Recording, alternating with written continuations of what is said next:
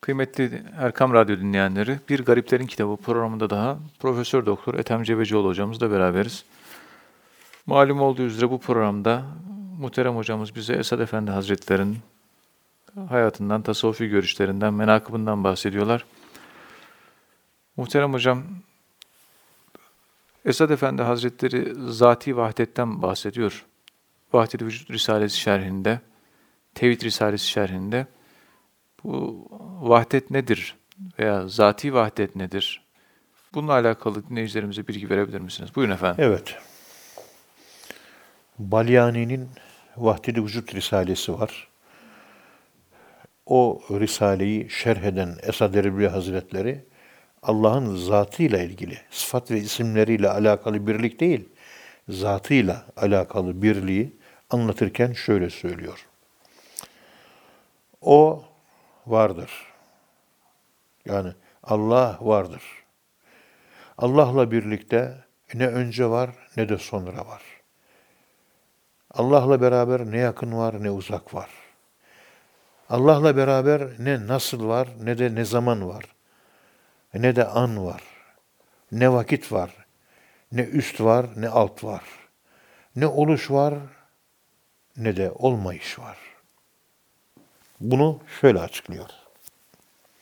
Yani Cenab-ı Hakk'ın zati vahdeti, zatına ait birliği, sıfatlar ve fiilleri söz konusu hallerden herhangi biriyle nitelenemez.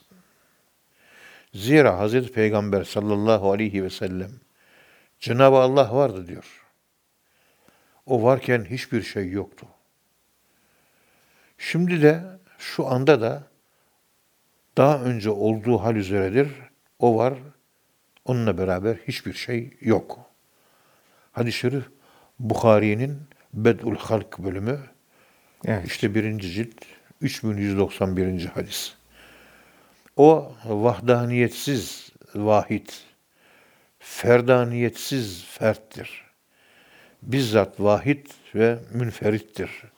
Yani vahid olarak vahdetin kaynağıdır. Evet. Ondan sonra fert in kaynağı bizzat kendisidir. Ferdaniyet ondan çıkar. Vahitten vahid, vahdaniyet yine vahid e, merkeze zata ait olan vahitten çıkar. Dolayısıyla Allah vahdaniyet ve ferdaniyet sıfatlarıyla nitelenmekten müstanidir. Ayrıca ezelde Allah'ı niteleyecek, vasfedecek, onu anlatacak, yaratılmış herhangi bir kimse yoktu. O vardı, kimse yoktu. Şimdi o yine var ve şu anda yine kimse yok. Vahittir şu alem buna şahit. Ferttir o şu kesret buna şahit. Bismillahi. Muhterem hocam, Esad Efendi tabii pek çok mektubunda bazı ifadelerinden mahfiyetini görüyoruz. Yine bir müridine yazmış olduğu, bir ihvanla yazmış olduğu mektupta şöyle diyor. Yani bunu izah etmenizi isteyeceğim. Evet. Kuvvet ve kudretim varken niçin böyle bir mürit olamadığıma çok üzüldüm. Gençliğimde böyle bir mürit olsaydım şimdi kamil bir şeyh olurdum. Yani şeyh olduğuma kanaat getirirdim. Bu şekilde ümitsizlik, kırıklık içinde olmazdım. Çünkü şu andaki halimle müteşeyyihim, yani şeyh olduğumu sanıyorum. Halimiz sadece kıymetli, değerli ihvanın izanları üzerinde de devam ediyor şeklinde böyle çok mahfiyet ifade eden e, güzel cümleleri var, bir mektubu var. Evet. Bunu dinleyicilerimize açıklayabilir misiniz? Buyurun efendim.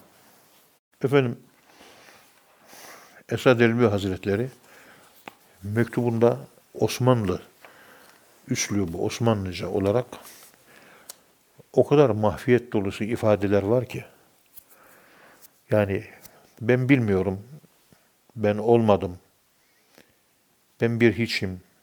O kadar çok ifadeler var ki. Bunları dikkatli okuduğumda Esad Erbil Hazretlerinin böyle büyük bir pir olması, onun arka planında yatan bu tevazu duygusu beni gerçekten çok etkilemiştir. Ya. İşte bu Allah'ın önünde acizlik. Bunu Evet. bilmek. Mahviyet budur. Hazreti Ebu Bekir Sıddık başından geçen bir olay var. Tirmizi 4. cilt 3039. hadiste. Ebu Bekir radıyallahu anh şöyle anlatıyor. Ben Resulullah sallallahu aleyhi ve sellemin yanındaydım. O sırada Allah Resulüne şu ayet indi. Kim bir kötülük yaparsa cezasını görür. Ve men ya'mel su'en yücze bihi. Ve Allah'tan başka ne bir dost ne de bir yardımcı bulabilir. Peygamberimiz sallallahu aleyhi ve sellem Nisa suresi 123 Ey Ebu Bekir bana indirilen bir ayeti sana okuyayım mı buyurdu. Evet.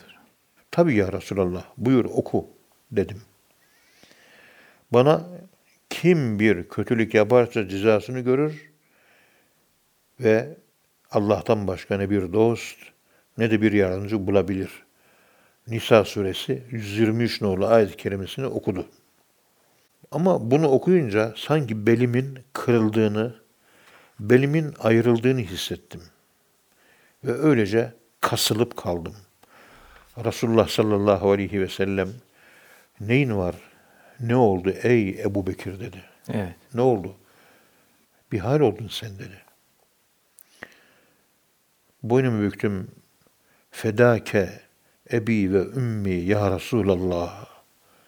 Anam babam sana feda olsun ya Resulallah. Hangimiz kötülük işlemez ki? Şimdi biz işlediklerimiz yüzünden muhakkak cezalandırılacak mıyız? Peygamberimiz dedi ki, Ey Ebu Bekir, sen ve müminler hatalarınız sebebiyle dünyada bazı sıkıntı ve meşakkatlere uğratılarak cezalandırılırsınız. Öyle ki Allah'a bu şekilde günahsız olarak kavuşursunuz. Diğerlerine gelince onların yaptıkları biriktirilir ve cezaları kıyamet gününe bırakılır. İşte Hazreti Ebubekir'in bir ayet karşısında hiçlik makamını yaşaması, yani hiçlik, yokluk ne kadar güzel. İşte Esad Erbil Hazretleri kuvvetim, kudretim varken niçin böyle bir mürit olamadığıma üzülürüm diyor. Çok sevdiği bir müridi varmış.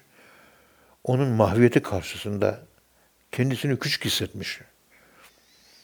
Onun gibi mahviyet sahibi değilim. Gençliğimde eğer böyle bir mürit olsaydım ben, şimdi kamil bir şeyh olurdum diyor. Yani şeyh olduğuma kanaat getirirdim. Bu şekilde yeis, ümitsizlik, kırıklık içinde olmazdım. Çünkü şu andaki halimle ben müteşeyyihim, yani şeyh olduğumu sanıyorum. Halimiz sadece kıymetli, değerli ihvanın iyi zanları üzere deveran ediyor. Benim ihvanımın bana olan hüsnü zannı da olmasa, ara yerde bir şey kalmayacağına imanım, emniyetim tamdır. İşte Eser bir Hazretleri böyle bir tevazuya yönelik e, ifade kullanıyor. Tabii bize örnek olmak için yapıyor. Evet. Yani oldum kelimesi yok. Ben biliyorum, siz cahilseniz demek yok. Aklıma hep Osman Gazi'nin o kendi oğluna yaptığı nasihat var. Aynı tevazu, Allah'a bağlılık, sadakat aynen burada da var. Mahviyet. Oğul, insanlar vardır, şafak vaktinde doğar, akşam ezanında ölür. Dünya senin gözlerinin gördüğü gibi büyük değildir. Bütün keşfedilmemiş gizlilikler, bilinmeyenler ancak senin fazilet ve adaletinle gün ışığına çıkacaktır. Ananı, atanı say. Bil ki bereket büyüklerle beraberdir. Bu dünyada inancını kaybedersen, yeşilken çorak olursun, çöllere dönersin. İnancını kaybetme. Açık sözlü ol. Her sözü üstüne alma. Gördün, söyleme. Bildin, deme. Sevildiğin yere sık gidip gelme. Muhabbet ve itibarın zedelenir. Evet. Şu üç kişiye yani cahiller arasındaki alime, zengin iken fakir düşene ve hatırlı iken itibarını kaybedenlere acı. Evet. Unutma ki yüksekte yer tutanlar aşağıdakiler kadar emniyette değildirler. Yukarılar tehlikeli. Evet. Haklı olduğun mücadeleden korkma. Bilenin iyisine doğru, yiğidin iyisine deli derler. En büyük zafer kendi nefsini tanımaktır. Düşman insanın yine kendisidir. Dost ise nefsi tanıyanın kendisidir. İnsan bir kere oturdu mu yerinden kolay kolay kalkamaz.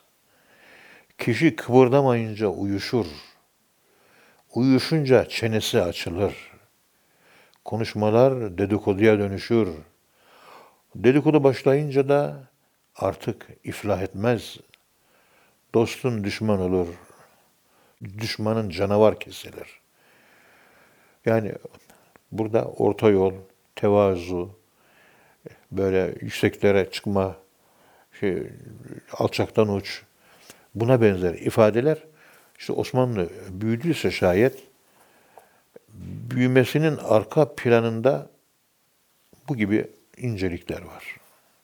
Muhterem Hocam yine konuyla alakalı Esad Efendi Hazretleri'nin divanında geçen bir güzel bir e, şiir var. Bunu dinleyicilerimize lütfedebilir misiniz? Evet.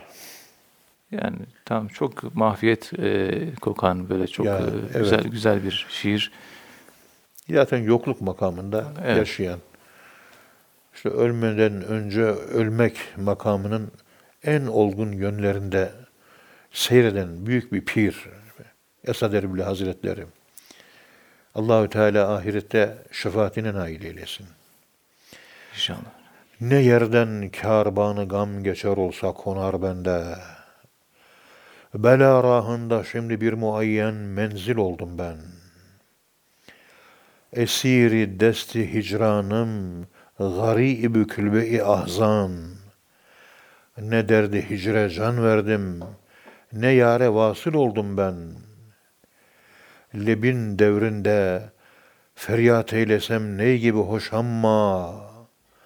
Ne bir dem nalesiz kaldım, ne vasla nail oldum ben. Siyeh bahtım eğilmiş kametim hali perişanım. Gören arif bilir ki müptelayı kakül oldum ben. Refik ederdi gamdan başka sormaz kimse ahvalin. O günden kim tarike ehli ışka dahil oldum ben. Görünce rehzeni gamzen, sülük rahdan kaldım. Ne evsat haletin buldum, ne piri kamil oldum ben. Gamı sevda elinde, ben de şaştım esada zira. Ne Mecnun gibi la yaqil, ne de bir akil oldum ben. Ya. Kısaca izah etmek gerekirse hocam ne, ne anlatıyor? Nereden gam, üzüntü kervanı geçecek olsa gelir tam benim üzerime konaklar. Bütün gamlar, kederler beni bulur. Şimdi ben bela yolunda herkesin bildiği bir konak oldum. Ayrılık elinin esiri, hüzün kulübesinin kimsesiyim. Ne ayrılık derdiyle can verdim, ne de sevgiliye kavuştum. Senin dudağının kıvrımında ney gibi feryat etsem iyi. Hoş ama ben ne bir an inlemekten kesildim, ne de kavuşma şerefine nail oldum. Bahtım kara, boyum eğrilmiş, halim perişan, bu halimi gören, halden anlayan arif kişi benim perçem tutkunu yani aşık olduğum anlar.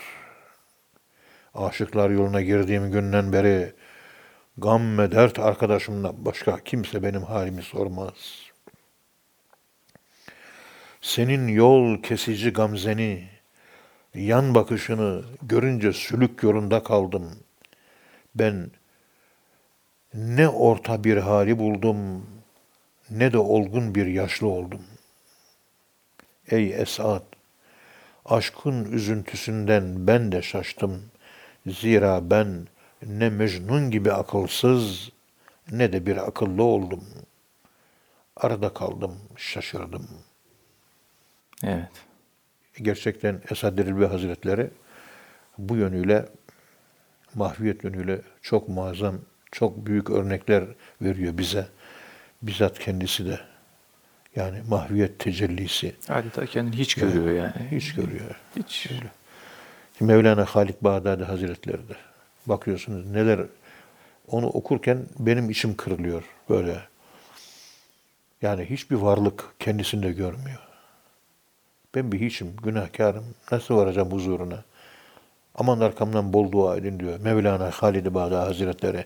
En ufak bir Allah razı olsun sözüne dahi ihtiyacım var. En ufak bir kıymık bile olsa, en ufak zerre kadar bile olsa ben muhtacım, muhtacım diyor. Yani dağlar dağı, Esat efendim kendini zerre görüyor. Varlık dağlarını eritmiş, kendini zerre biliyor. Ya işte Esat Efendimiz bu ihvanından etkileniyor. Bakın ihvanına imreniyor. 46. mektup. Keşke Evet. bu ihvanım gibi olsam, onun gibi mahviyet ehli olsam diyor. İmreniyor. Vay ben şeyhim. O da Efendimiz söyleyeyim mürittir. İşte ben ondan yüksek, o benden alçak, ben ondan büyüğüm. Bu havalar hiç yok. Zaten men rafa'a vada'ahullah. Kim yükselirse allah Teala indirir. Ve men tevada'a fakat rafa'ahullah. Kim tevazu ederse Allah da onu yükseltir. Ya Esad Efendi Hazretleri bir müridine hizmetin vuslata anahtar olduğunu söylüyor kıymetli hocam. Vuslat için hizmetin ihlas ve muhabbete denk bir vesile olduğunu ifade ediyor. Yani hizmetle vuslat arasında veya hizmetin vuslata anahtar olmasıyla alakalı neler söyleyebiliriz? Yani ihlas ve muhabbetin yine vuslat ve hizmete denk olmasıyla alakalı neler söylenebilir? Esad Efendi Hazretlerinin konuyla alakalı e, görüşleri nelerdir? Bunlardan bahsedebilir misiniz? Euzu billahi mineşşeytanirracim. Bismillahirrahmanirrahim. Elhamdülillahi rabbil alamin. Ve salatu ve selamu ala Resulina Muhammedin ve ala alihi ve sahbihi ecmain.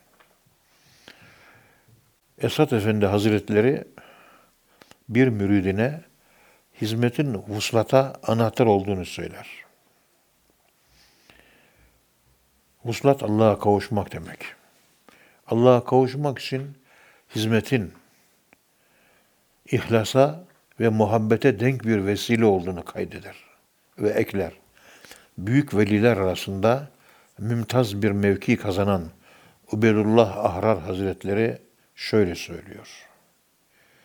Evliyaullah'ın her birinin ayrı bir yoldan giderek Cenab-ı Hakk'a kavuştuğunu ve bizzat kendisinin de fukaraya hizmet etmek yoluyla Allah'a vuslat bulduğunu söyler. İhlas ve muhabbete denktir efendim hizmet. Vuslata ermek için buyurun efendim himmet. İşte bu şekilde vuslat için mutlaka ona Allah'a hizmet etmek lazım. İn tensurullaha yansurkum ve yusebbit akdamekum. Siz Allah'a yardım ederseniz o da size yardım eder. Yani Allah'ı kendinize celbetmek mi istiyorsunuz? Hizmeti ona yapın. Onun için yapın. Başka bir garaz, başka bir niyet, dünyalık vesaire şunun bunun için yapmayın. Burada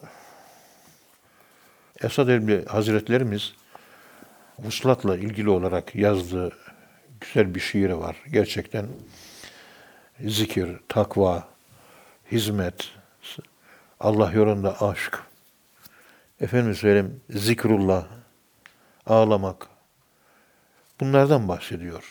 Evet hocam. At şu tesbih riya paşı yedi takvadan. Müddea saffet ise al kadehi minadan. Nice yüz matlaba ey şeyh sarılmış gördüm.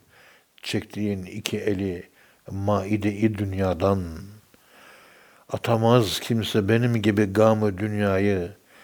Olmayan meslu kalender meyi istinadan. Mektebi ışkta üstadı ezelden aldım. Dersi tecridimi sen sanma lebi İsa'dan. Pertevi mahır rehin etmese gönlüm ruşen. İktibas eylemez elbette yedi beyzadan. Ne bilir zühd ile zahit mey ışkın kadrin. Anı bir kere sual eyle beni rüsvadan. Lebi handanını gördükçe dü çeşmi zarım. Öğrenir şive-i giryanı gam sevdadan. Saye-i serv kadin olsa Cenab-ı Esat.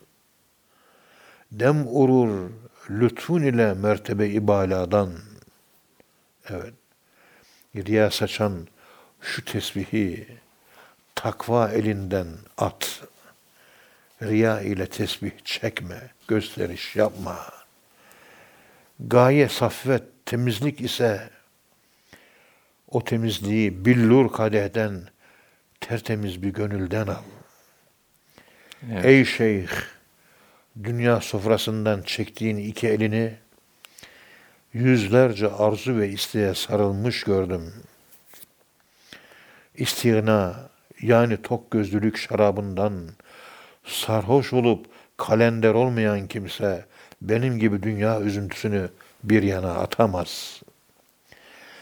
Aşk mektebinde tecrit dersimi yani dünyaya ait her şeyden el çekip Allah'a yönelme dersimi Üstad-ı Ezel'den yani Hazreti Peygamber'den aldım. Allahümme salli ala Muhammed. Zannetme ki onu Hazreti İsa'dan öğrendim.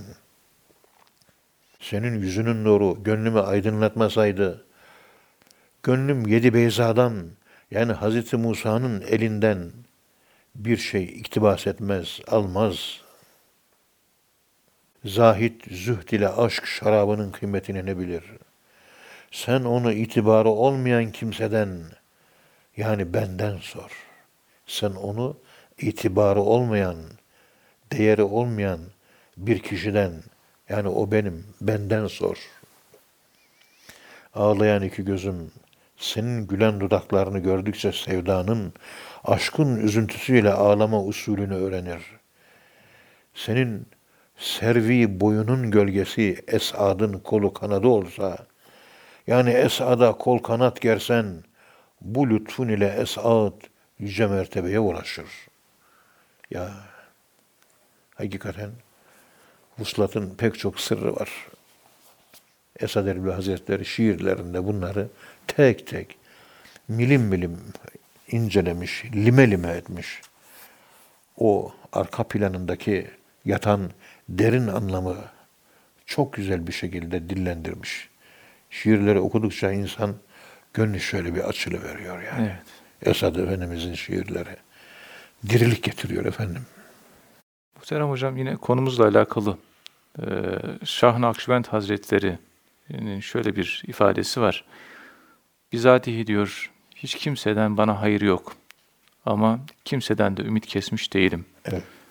Sonra dönüp kendi halime baktığımda baştan sona gördüm ki bir buğday tanesi bile değilim Ya, şeklinde ya. yine eee Şah Nakşibend Hazretleri'nin mahfiyet ifade eden bir sözü var.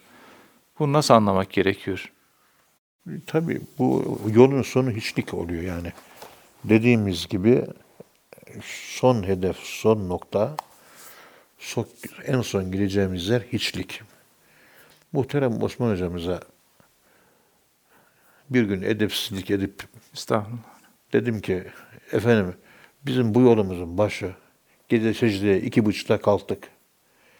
Teheccüd namazını kıldık. Alnımızı secdeye koyduk, ağladık. Gözümüzden bir damla gözyaşı geldi. Bizim yolumuzun başladığı yer burada. Ama nerede bitiyor ben bilmiyorum dedim. Osman hocamız üç defa hiçlik, hiçlik, hiçlik dedi. Evet. Üç defa bunu tekrarladı. Yolun sonu Varlık tamamen gidecek. Yokluk olacağız. Kendi isteğimizle ölmeden önce öleceğiz ki Sami Efendimizin buyurduğu gibi öbür dünyada ahirette diriliğimizi devam ettireceğiz. Bu dünyaya hizmete, duaya, yardıma. Oradan el uzatacağız inşallah Allah nasip ederse. İnşallah. Burada feyiz bulamayan bir müride efendim feyiz kazanamıyorum, efendim feyiz alamıyorum. Boynu büküyor ağlıyor. Esad Efendi feyiz alamamanın sebebini anlatıyor. Tarikat büyüklerinin bir kısmı feyiz kesintisi ve tam bir mahviyetten dolayı kendilerini değersiz ve bir hiç seviyesinde sıradan bir mahluk olduklarını söylemişlerdir. Bu şekilde yokluğa bürünen şeyhler, müritler, o sahip oldukları yüksek marifetlerinden diğerlerini de haberdar ve hissedar etmişler ve onları irşat etmişlerdir. Evet. Yokluk makamında olmak, varlık satmamak. Mesela Şah-ı Nakşibend Hazretleri Kuddise Sırruh kendi hiçliğini anlatırken şöyle demiştir. Bizatihi hiç kimseden bana hayır yok. Ama kimseden de ümit kesmiş değilim. Sonra dönüp kendi halime baktığımda baştan sona kendimi gördüm ki ben bir buğday tanesi bile değilim. Akıl ermez, idrak ermez. Ne derin hikmetler var. Büyükler niye büyümüş? Ne büyük himmetler var. İşte mahviyetle yeni bir inşa başlıyor. Fakat o inşaat yok olmadan önce, yokluğa kavuşmadan önce, hiçlik makamına ermeden önceki kişi, hiçlik makamında sonraki kişiyle hiçbir alakası yoktur. Şimdi birisinde nefis ve nefsaniyet var, diğerinde de nefis ve nefsaniyet değil, Allah var. Ya bu Mevlana Camii'nin bir şiirine Esad Efendi Hazretleri tahmis yapıyor hocam. Evet. Yani yine bu mafiyetle alakalı olduğunu zannediyorum. İşte beka bağında ya, evet. ne gül oldum, ne diken, ne fena şarabıyla sarhoş oldum, ne de aklı başında bir insan şeklinde devam eden bir tahmis. Dilerseniz hem Farsçasını hem e, yani der, dinleyicilerimize paylaşabilir misiniz? Buyurun evet, efendim. Der bağı beka نه گل شدم نه خاری نه مست نی نه مست می فنا نه هوشیاری سنجیدم بار خیش گفتم آرا من هیچ هم و کم زی هیچ هم بسیاری از هیچ و کم از ne bayet kari. Beka bağından ne gül oldum, ne diken oldum. Ne fena şarabıyla sarhoş oldum, ne de aklı başında bir insan. Yükümü tarttım. Dedim ki, ben bu tartı neticesinde hiçbir ağırlığım yok. Hiçim, hiçten de aşağıyım hiçten ve hiçten daha hakir olandan bir hayır gelmez. بنده ایروکو دیده ای مس باده این نوشید آشکان را بگم ذکرت شهید گریه های دید و نائل های بشنید پرده زلف پیش روی کشید حال من هم چوی موه خودش بود سرخش sarhoş göz bir şarap içti. Aşıkları yan bakışıyla şehit etti. Ağlamalar gördü, feryatlar işitti, zülf perdesini yüzüne çekti. Benim halim onun saçı gibi darmadağınık oldu. Ben darmadağınık oldum. Mahviyet. Ya. Evet hocam. Kıymetli hocam son olarak söyleyeceğiniz e, konuyla alakalı şeyler var mı acaba? Efendim mahviyet sırrı malum ontolojik bir mahviyet, yok oluş değil bu. İnsanın kendinde gördüğü varlık. Ben ilim adamıyım. Hayır, bu ilmi sana Allah verdi. Senin sana ait değil, ödünç. Mal görüyorum, gurrak. Hayır, bu da senin değil. Velillahi mirasü's semavati vel ard. Yerin, göğün nuru Allah'ındır. Pardon, mirası Allah'ındır. Evet. Senin değil. Sen sadece geçici bir süre sen kullanıyorsun. Sen gideceksin. Ondan sonra daha başkaları gelecek. Hiçbir şeyi kendine mal etme. Sen bir hiçsin. Çünkü dünyaya geldiğin zaman bir bebek elbisesi yok, bir şeysi yok, hiçbir şeysi yok.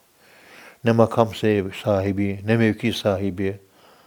Daha erkek bile değil, kız ise kız bile değil. Akıl yok, dış dünyayı karanlık görüyor. Muhyiddin Arabi Hazretlerin tabiriyle Allah'tan yeni gelmiş. Hiçin manası oluyor. Evet. Hiçliği anlamak isteyen yeni dünyaya gelen çocukların yanında bulunsun. O yeni dünyaya gelen çocukların haline baksın. Saf, tertemiz, hiçbir varlığı yok. Önüne elmas veriyorsun, atıyor. Evet. Altını koyuyorsun, saçıyor. Kendisine sen paşasın diyor, gülüyor. Sen kötüsün diyor, yine gülüyor. Hiç. Üzerine hiçbir şey almıyor. Evet. Varlık olunca bütün sözleri, lafları üzerinize alırsınız. Etkilenirsiniz. Varlık ve kibir. O varlık ve kibirin böyle tavan yaptığı, üst düzeyde böyle insanlar gördük biz. Bir şiirde şöyle yazmışız. 8-10 talebeme gönderdim, kendime anlatıyorum. Kendimi terbiye et- etmek için yaz- yazdım bunu. Estağfurullah. Bir bazıları da yanlış anladı bunu. Ya kendime yazdım, yok bana yazdın diye birisi geldi bana kavga etti. Görüyorum ki çulun palanın yerinde kimse durmaz artık senin önünde. Eğilsin cümle alem önünde. Boyun uzamış gökyüzünde. Haşa ilahsın sanki kibrinle. İşte ben buyum. Bunu yazdık. Estağfurullah. Neticede yani yokluk ne olduğunu ben de bi- bilemiyoruz da, daha doğrusu. Yani yokluğu yaşayanlara bakıp nasıl bir görüntü verdiklerinin fotoğrafını çekmeye, o fotoğrafı okumaya çalışıyorum. Elhamdülillah önümüzde yokluk sahibi muhterem bir zat var. Onun yokluğu bize aynı oluyor. Onun yokluğun önünde bizim var olduğumuzu ve daha hala yürüyecek epi bir mesafemiz olduğunu görüyorum. Evet. Allahü Teala'dan Ya Rabbi bizi de bu makamda, bu yolda daim eyle Amin. ve Amin. hiçliğe doğru, yokluğa, kulluğa doğru yol alabilmeyi bizlere nasibi müyesser eyle diye hep dua ediyoruz. Amin. Yani Amin diyoruz hocam. hep ne, ne, neyimiz var? Hiçbir şeyimiz yok. İşte annemizden çıplak doğduk. Yine çıplak gidiyoruz yani. Bir kefen başka bir şey yok. Evet. Evet. Hepinizi hocam. saygıyla selamlıyorum. Allah razı olsun hocam. Ağzınıza sağlık. Kı- Kıymetli dinleyenler hepinizi saygı ve muhabbetle tekrardan e, selamlıyoruz. E, Bir sonraki programda tekrar buluşmak ümidiyle hepiniz Allah'a emanet ediyoruz. Hoşçakalın efendim.